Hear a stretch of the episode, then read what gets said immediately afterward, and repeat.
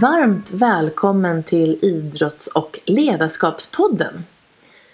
Idag är det dags för mig att få presentera Sabina Duvberg som är svensk träningsprofil. Hon är författare, företagare, entreprenör, mamma till ett tvillingpar. Och vi pratar eh, som vanligt, eh, som den här podden handlar om, om eh, nycklar till framgång, lärdomar av misstag, pratar om eh, vikten av tydliga mål, drömmar, att gå sin egen väg, bland annat. Eh, och jag själv träffade Sabina för flera år sedan när vi bland annat jobbade på Sturebadet tillsammans. Och nu har våra vägar korsats igen och det var väldigt inspirerande att få den här pratstunden med Sabina. Jag hoppas att ni får med er mycket matnyttig information och mycket kunskap. På slutet av avsnittet så kommer jag att eh, i vanlig ordning dela med mig av eh, de tips och råd som jag själv tar med mig från avsnittet. Och ehm, ja, återigen, varmt välkommen. Nu kör vi!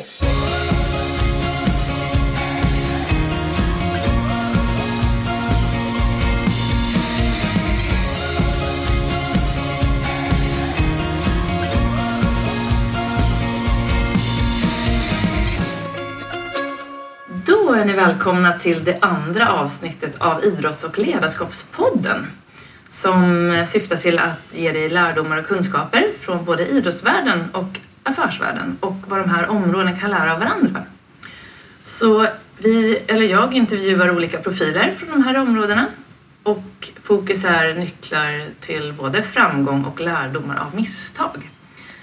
Idag har jag med mig Sabina Duberg som är bland annat författare, svensk träningsprofil, företagare, entreprenör.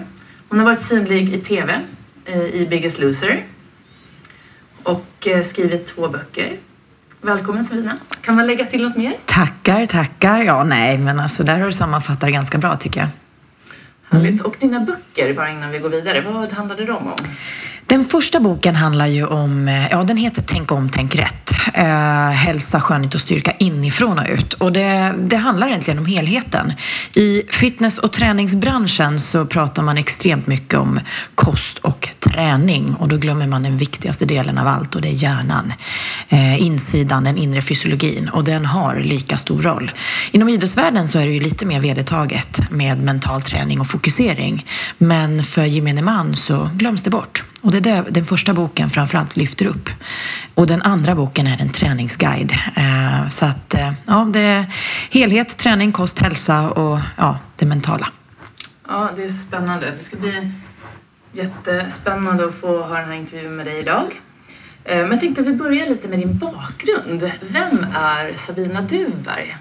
Ja, eh, jag eh, är snart 41 år och eh, kommer ifrån en en liten håla i, i Sörmland som heter Flen och där har jag vuxit upp och varit en ganska aktiv tjej. Fotbollsspelare i grund och botten så tyckte det var jätteroligt och, och med alla sorts idrotter som väldigt idrottsintresserad.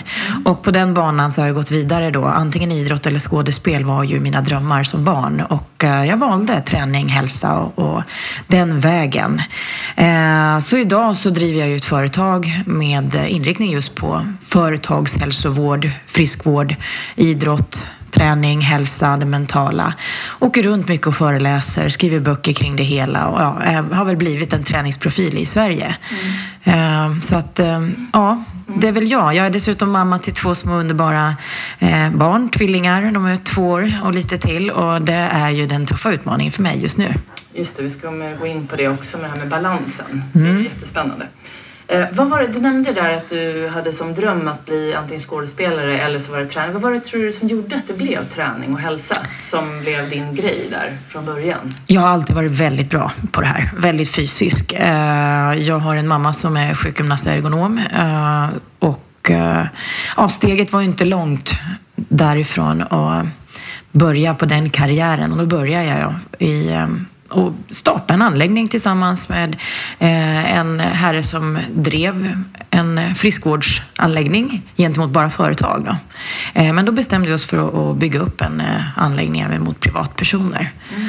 Och där började jag som hälsocoach och massör och sen har jag fortsatt utbilda mig inom allt inom träning, personlig träning, gruppträning av olika slag. Mm. Men också vidare då inom management och ledarskap. Så jag har läst en hel del när det gäller management och ledarskap och KTH bland annat och försäljning och projektledning. Och I och med att man parallellt med det här med att leverera träning och hälsa så har vi också byggt upp företag och startat och drivit och där har jag haft ansvarspositioner redan från början. Just det, för det är ju det som är så intressant att höra om. Så vilka utbildningar som du har i bagaget, det är både då inom träning men också då inom management och försäljning. Vad var det som gjorde att du började rikta in dig på att även utbilda dig inom de om områdena som har mer med liksom affärskunskaper att göra? Ja, min första anställning var ju att ehm, ja, var friskvårdare och massör var ju grund och botten då, då. Men i och med att vi, vi drev en framgångsrik eh, ja, friskvårdsanläggning gentemot företag eh, och så såg vi intresset bland eh, privatkunder. De var ju nyfikna på vad, men vad är det som händer i de där lokalerna. Så vi öppnade en fitnessanläggning utåt sett. Och jag blev ansvarig då för att ja, driva det här. Och det var ju där det började. Och eh, i tidig ålder så måste man ju då ha lite kött på benen. Så jag började utbilda mig omedelbart. Så att jag har parallellt jobbat och utbildat mig inom, inom det här, både träning och hälsa. Och i och med att vi då också då drev en, en fitnessanläggning, friskvårdsanläggning, så, så ut, utvecklade vi ju allt med träning och hälsa hela tiden. Och var ju tvungna att eh, vidareutveckla oss inom träning och hälsa men också i driften av företaget, utvecklingen. Just det. Så, ja, precis, så du har ju haft en otrolig liksom, specialistkunskap inom ditt område och det är där du också har agerat som chef eller som ledare. Så vad tyckte du var utmaningen när du blev, från att då vara massör eller tränare själv, mm. till att sen bli ledare och eh, chef då på den här anledningen? Vad var utmaningarna där? Utmaningen är väl, ja, det är ju människor vi har att jobba med eh, och det är alltid en utmaning. Man måste ju lära sig alla olikheter. Man måste ju se varje enskild individ, förstå hur man leder eh, ja, de anställda och hur man kan motivera. Det är svårt att placera alla i ett fack och bestämma sig för att man har en ledarstil eller leka chef. Eh, jag tror inte på den idén, utan jag tror att man ska leda andra. Och på så vis så skulle jag också säga att min fördel är ju att jag kan allt inom träning och hälsa. Så att många av de här yrkesrollerna eh, som jag då skulle ja, leda folk i, inom kunde jag ju själv. Mm. Det tror jag är en fördel. Jag eh, klev ur min, min eh, kostym som ledare och klev ner på golvet och tog hand om eh, vissa kunder själv. Jag, eh, jag fanns med överallt och det var ju så jag började. Och jag tycker att det är en, ja, det är en fördel. Men det är ju självklart en, en en tuff väg. Jag började ju leda människor inom träning som 16-åring. Så att det är ju extremt många år. Men sen så ska man då också ha med sig, ja det är budget och det, allt ska ju då, ja det ska ju gå med vinst och alla såna här saker. Och man måste pusha människor om det går dåligt och samtidigt lyfta dem. Och, och ibland måste man också vara tuff. Och den, den biten, man, man blir ju vän med folk. Och det är ju där man måste inse sina roller. Att okej, okay, vad, är, vad är det primära och hur ska vi nå dit? Det, ja, det är en tuff balansgång. Det är inte så enkelt Nej. i unga år. Sen lär man sig på vägen, så är det. Just det, så var det lite learning by doing. Eller hade du någon som kunde coacha dig eller som du hade lite som mentor där i början för att komma in i din roll som ledare eller körde du det mest själv? Mycket var ju själv, men vi, jag hade en fördel på min första anställning. Vi åkte på utbildningar och kurser konstant hela tiden så var det att okej, okay, nu ska vi lära oss att projektleda. Ja, då ser vi till att utbilda oss till projektledare. Nu ska vi lära oss om ekonomi. Då har vi en ekonomiutbildning och så vidare. Mm. Så att eh, sen har jag på eget bevåg har jag också då studerat eh, högskole poäng överallt. Så att jag har läst bland annat management och ledarskap på KTH. Jag har läst en hel del försäljnings och marknadsföringsutbildningar och kurser och så mm. vidare. Så att det har varit en mix, men jag har haft en fördel i och med att vi då satsade på företaget där jag hade min första anställning. Vad var enklast och vad var svårast när du ser tillbaka på den tiden när du var ledare där för första gången? Ja, det svåra var ju att jag var ung. Mm. Och man ibland då skulle leda människor som hade ja, kanske tio år mer på erfarenhet av livet. Och ehm, någonstans så var väl det det svåra tror jag. Jag menar, man eh, mognar ju med åldern. Och absolut så lär man sig av sina misstag och man är inte perfekt från början på något sätt. Och jag fortsätter att lära mig. Och det är det som jag tycker är min styrka. Jag tror inte att jag kan allt. Och jag försöker heller, ja, eller jag vill inte att det ska speglas på det viset heller. Utan att man, har, man är lyhörd. Man kan alltid lära, man kan alltid utveckla och man ska alltid lyssna på andra. Även om man kanske har en klar bild av uh, vad som ska göras eller hur det ska göras. Men eh, som sagt, det kan finnas andra lösningar och vara lyhörd för det tycker jag är viktigt. Mm. I början hade jag nog svårare för det, det tror jag. Så du nämnde lite dina egna styrkor och svagheter som ledare. Mm. Vad har du mer för styrkor som ledare? Ja, eh, ja vad ska jag säga om det? Jag, eh, som sagt, jag är väldigt bra på olikheter. Jag har lärt mig att bli väldigt bra på att se människor, höra och eh, flexibiliteten i att okej, okay, om, om jag ger dig det här, att vi är överens, vad är viktigast för dig som anställd? Kan vi möta upp det kravet? Mot att vi får en enormt eh, motiverad människa att arbeta med. En glad, positiv människa. Där helheten, livet, man ser människan, inte arbetstagaren, utan det är en människa som, som har det här som yrke, men den, den har också annat runt omkring sig. Mm. Och vad är viktigt för den personen? Jag tror att, det, att se det och kunna, så långt det går, pusha i den riktningen för för en, ja, en stark motivation, trygghet och, och lyhördhet. Jag tror att det är en styrka hos mig. Mm. Har du fått med dig det, eftersom du har jobbat med träning hela livet, du förstår ju vad en person behöver för att må bra. Tror du att det är det som har gjort att du tänker på det sättet som ledare? Det tror jag absolut. Inom träning och hälsa så är det ju coaching av människor och då måste man ju jobba med den mänskliga psykologin. Mm. Så är det. Jag kan inte nå, fram till förändringar eller förbättringar eller, eller målbilder om inte jag förstår vem, vem jag har framför mig och hur den människan fungerar. Och det har man ju inom då coaching och jag har jobbat en hel del med rehabilitering. Också med idrottslag eh, där man jobbar allt ifrån den trasiga människan då inom rehab, eh, kanske utbrändhet, eh, skador, fysiska skador och så vidare till då elitidrottsmän och kvinnor. Eh, och det är ju fortfarande någon form av ja, coaching det handlar om.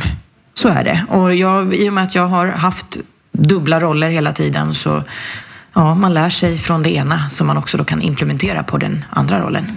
Jag träffade ju Anette Norberg här mm. för ett tag sedan och vi pratade om eh, mål. Hon har ju då varit en framgångsrik idrottskvinna mm. och också jobbat i näringslivet. Och vi pratade om att ibland som när man håller på med idrott och sport eller eh, träning så kan det vara lättare att sätta upp mål. Man vet att man till exempel, du har en tävling du har eh, ett viss, eh, en viss tid du ska slå och så vidare. Men att ta över det in i sin roll som ledare i näringslivet, att, det, att sätta upp mål där inte alltid är lika lätt. Har du någon reflektion kring det? Där du ser, eh, för vi, vi pratar just om att det kan vara svårt för näringslivet att ta in den här styrkan som faktiskt idrotten har mm. med just målfokusering och målplanering och målanalys och framförallt sätta upp rätt mål. Mm. Ja, inom idrotten är det ju väldigt tydligt. Det är ju extremt enkelt att förstå vad, vad det går ut på. Eh, man vill vinna en match eller man vill hamna på pallplats nummer ett inom en viss gren eh, eller viss idrott. Det är ju ganska tydliga mål. Inom företagsvärlden så svänger det lite, lite snabbare, ofta. I alla fall inom de branscherna där jag har varit. Eh, det är självklart att det finns branscher där det är ganska tydligt också. Men eh, när det är lite otydligt och man måste hela tiden gå efter förfrågan, efterfrågan. Vad är det, vad är det som, som kunderna efterfrågar? Då är det lite mer dynamiskt. Och ehm, ja, självklart så, så skulle jag säga att ehm, ja, det är tuffare. Det är det. Man måste vara lite mer lyhörd. Men däremot så delmålen, vi är ju i nuet. Vad är det som gäller just nu? Och är man tydlig med det så skulle jag säga att man kan implementera precis det här som vi gör inom idrotten. För ehm, det är ju nu vi kan göra förändring. Det är nu vi kan göra skillnad. Vi kan ha mål och visioner eh, och de ska ju vara tydliga, annars ska man inte ha ett företag. Man ska inte hålla på med ett företagande om man inte vet vad man håller på med. Eh, men just nu är ju faktiskt nu och det är inget annat. Och då kan man styra sig efter det. När det svänger, ja då får man hantera det då. Just det. Ja, men spännande.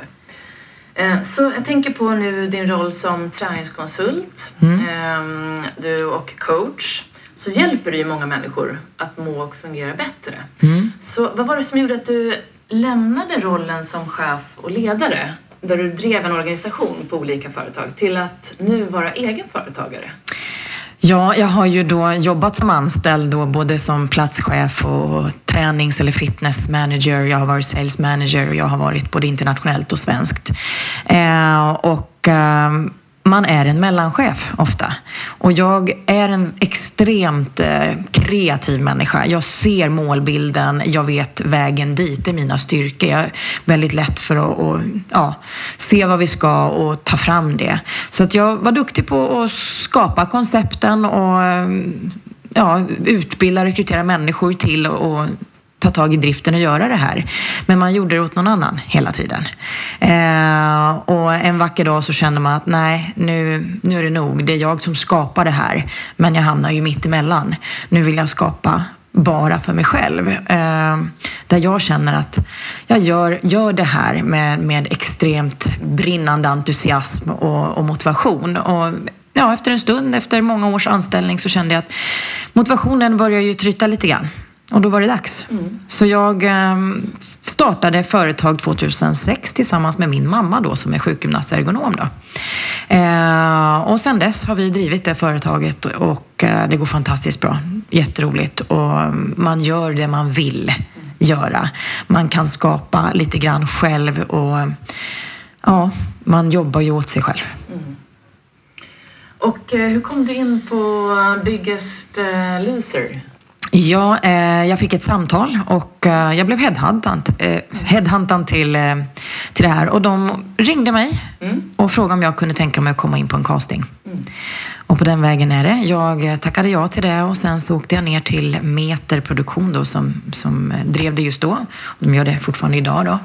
Eh, och där fick jag spela in lite testfilmer och jag fick vara på intervju efter intervju. Det tog eh, en hel sommar och jag träffade nog, jag vet inte hur många, men väldigt många människor. Eh, och sen så var jobbet mitt då. Ja, mm, så att, det var kul. Ja, det var jätteroligt. Absolut. Eh, fantastisk erfarenhet och så fick man lära sig lite grann om en ny bransch och eh, ha en kamera i ansiktet hela tiden. Det gick ganska fort. Jag var extremt nervös första dagarna men sen glömde jag bort det. Jag var i min roll. Rollen som det gick ut på, det var ju det som jag kan.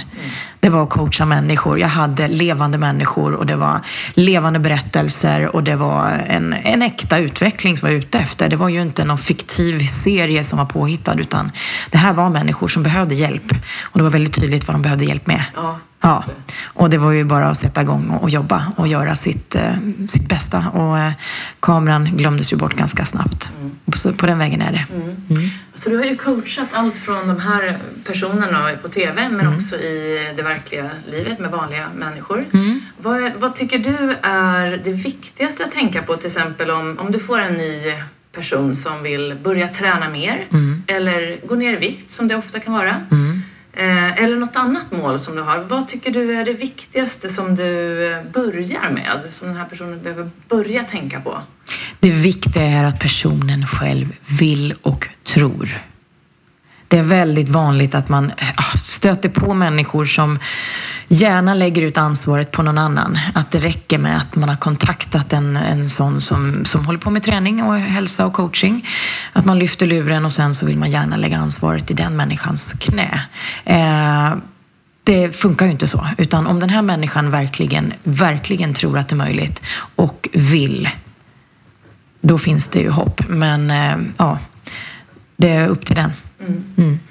Mm. Ja men exakt. Det är ju det som är just att få den andra att förstå. Den som kommer till dig, mm. att förstå att det börjar alltid med den själv. Så är det. Men att du är vägledaren mm. på vägen. Ja. Man kan alltid vara en stöttning, man kan mm. Eh, ja, skapa redskap till den här personen så att den har en, eh, en väg att gå på. Mm. Man vet vad man behöver göra. Eh, och man har stöttning och pushning när det är tungt och ja, känner sig trygg i, i den här resan som det blir för många. Så, så måste det vara. Men jobbet kan inte jag göra åt den här personen. Det är väldigt tydligt och det behöver den här individen, om det nu är det, en individ, den måste ju ta det ansvaret själv. Mm. Mm. Så om vi går tillbaka till ditt företag, ditt mm. egna företag, mm. Eh, så har ju du skapat ett starkt varumärke. Mm.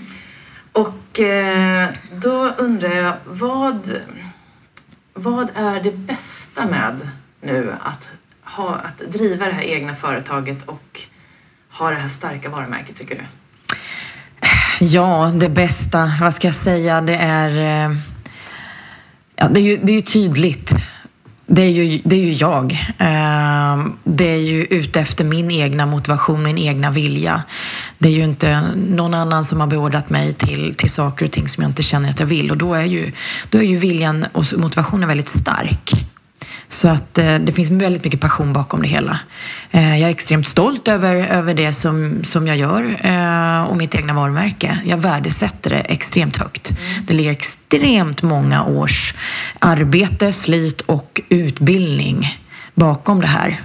Och det finns ett värde i det. Mm. Och vad är det viktigaste att tänka på idag? Nu när du har kommit upp och har det här starka varumärket. Vad är det viktigaste att tänka på för att kunna behålla det och bli ännu starkare?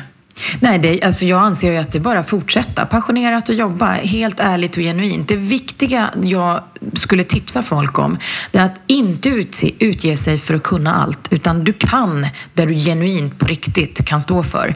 Inte gå utanför sina kompetensområden. Det är väldigt, väldigt vanligt med personliga tränare till exempel. Som många tror att jag eh, är personlig tränare efter det här tv-programmet, att det är det som är min titel. Men det är ju ja, snarare att jag kanske utbildar andra personliga tränare tränare och har möjligtvis någon coach som jag, eller coachar någon inom livsstil och så. Men annars så skulle jag säga att det är väldigt många som tar sig an saker och ting som de inte bör hålla på med. Det är skador, axelpatienter, knäskadade patienter, ryggpatienter och så vidare.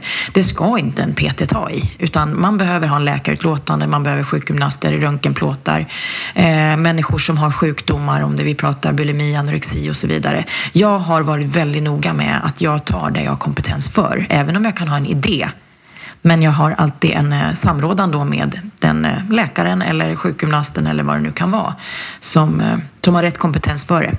Så att inte utge sig för att kunna allt utan var, var trogen mot din egen kompetens. Mm. Otroligt viktigt. Mm. Och det är inte farligt att säga till människor, du vet, jag vet inte, jag kan inte, men jag har den här människan som kan hjälpa dig istället. Mm.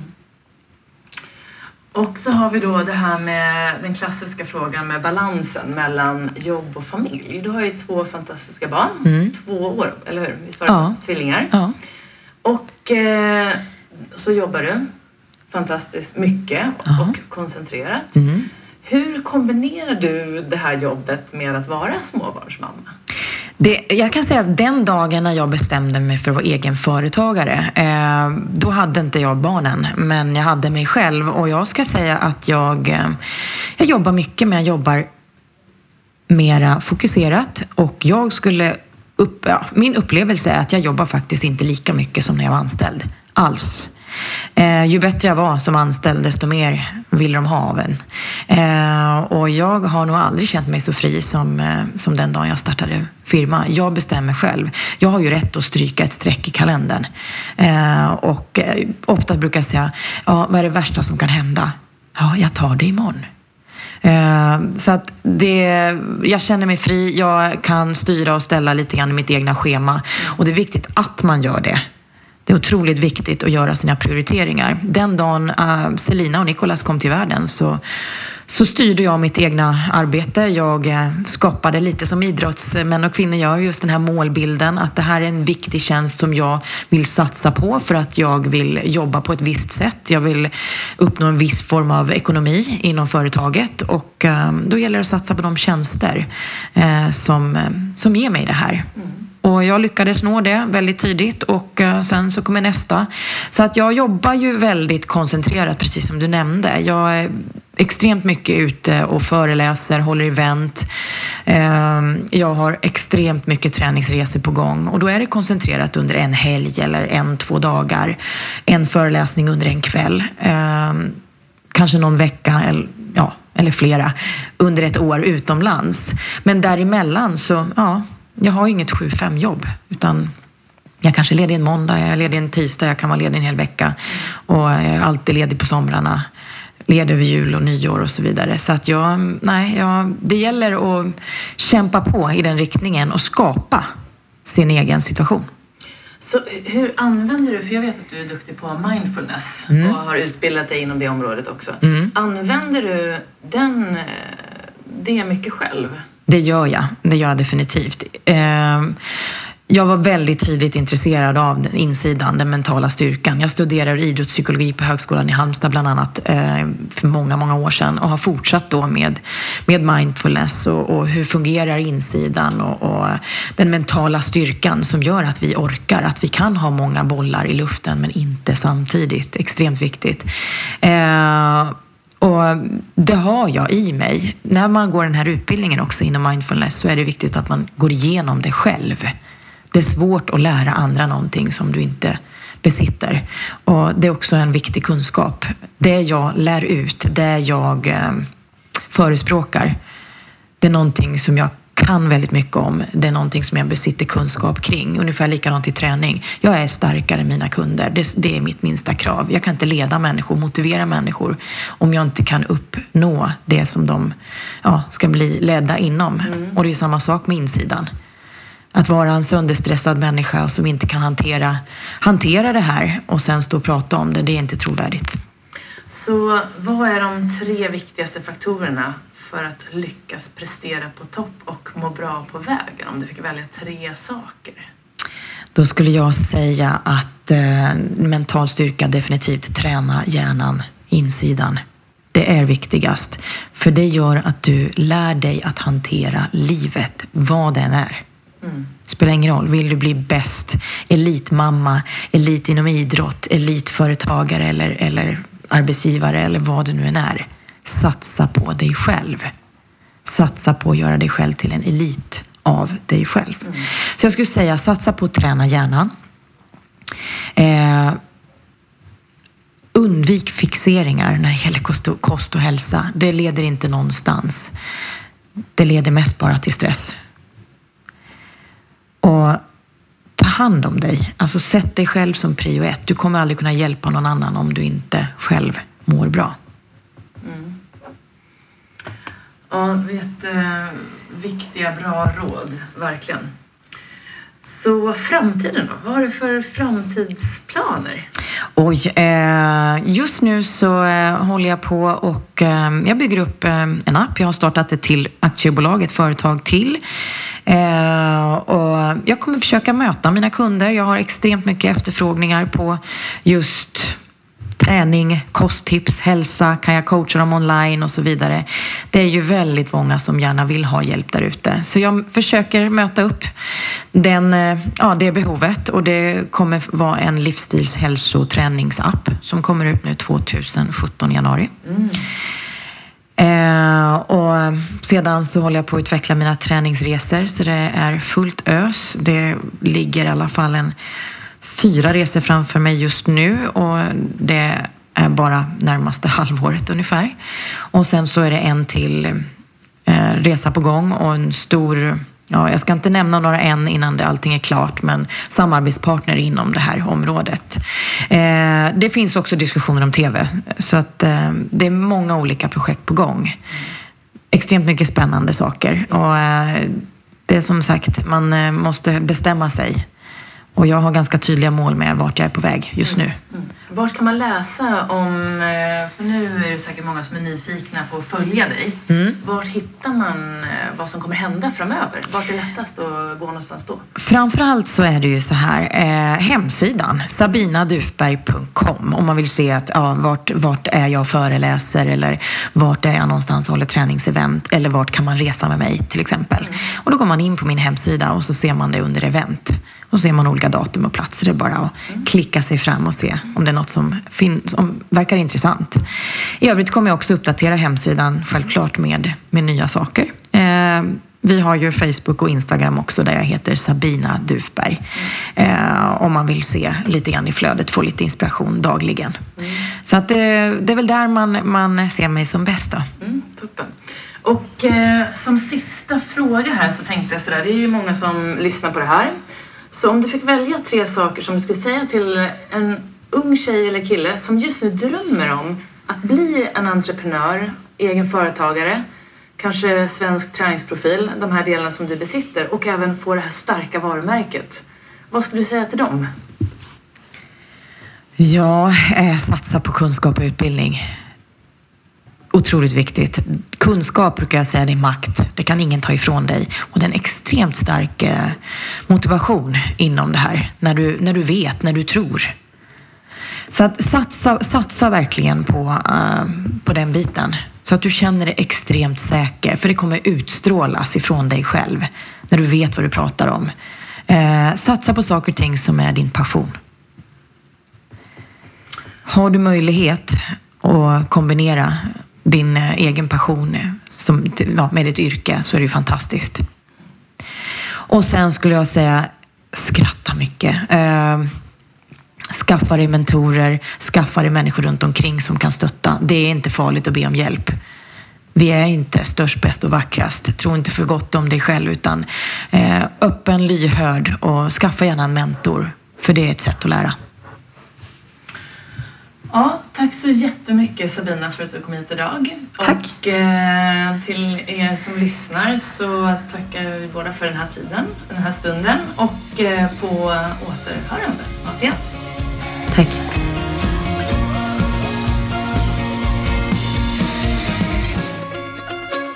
Då var det här avsnittet slut för den här gången och eh, tack för att du lyssnade. Jag hoppas att du har fått med dig mycket ny kunskap och inspiration som du också kan använda i din vardag oavsett vad du håller på med. Själv tar jag med mig några saker, bland annat det här med vikten av att träna hjärnan. Det är så lätt att man tränar kroppen och det är, det är väldigt vanligt att man gör en fysiska träning men den mentala träningen är ju nog så viktig. Det börjar med det och eh, lär man sig verkligen att träna hjärnan på rätt sätt så kommer du att både må och fungera bättre och jag lovar dig att du kan nå precis dit du önskar. Eh, så börja med att träna hjärnan om du inte redan gör det. Och sen tar jag med mig det här med att det, man ska inte vara rädd för att be om hjälp från sina kollegor eller vänner om man känner att man inte riktigt besitter den kompetensen som man behöver för ett visst, för en viss, ehm, för något visst. Och eh, som Sabina sa här att det, det kanske är så att man ibland utger sig för att eh, kunna mer än vad man tror för att man inte vågar be om hjälp. Men det är nog den starkaste och modigaste man kan göra, att just be om hjälp när man behöver det. Och där finns många som är redo att hjälpa till, så det är bara att fråga på tror jag. Och om du vill ändras och ändra ditt beteende så är det verkligen upp till dig. Men återigen, var inte rädd för att be om hjälp, för att få lite hjälp på traven så att säga. Så tack för idag och eh, jag hoppas att vi ses och hörs snart igen och tills dess så ta hand om dig.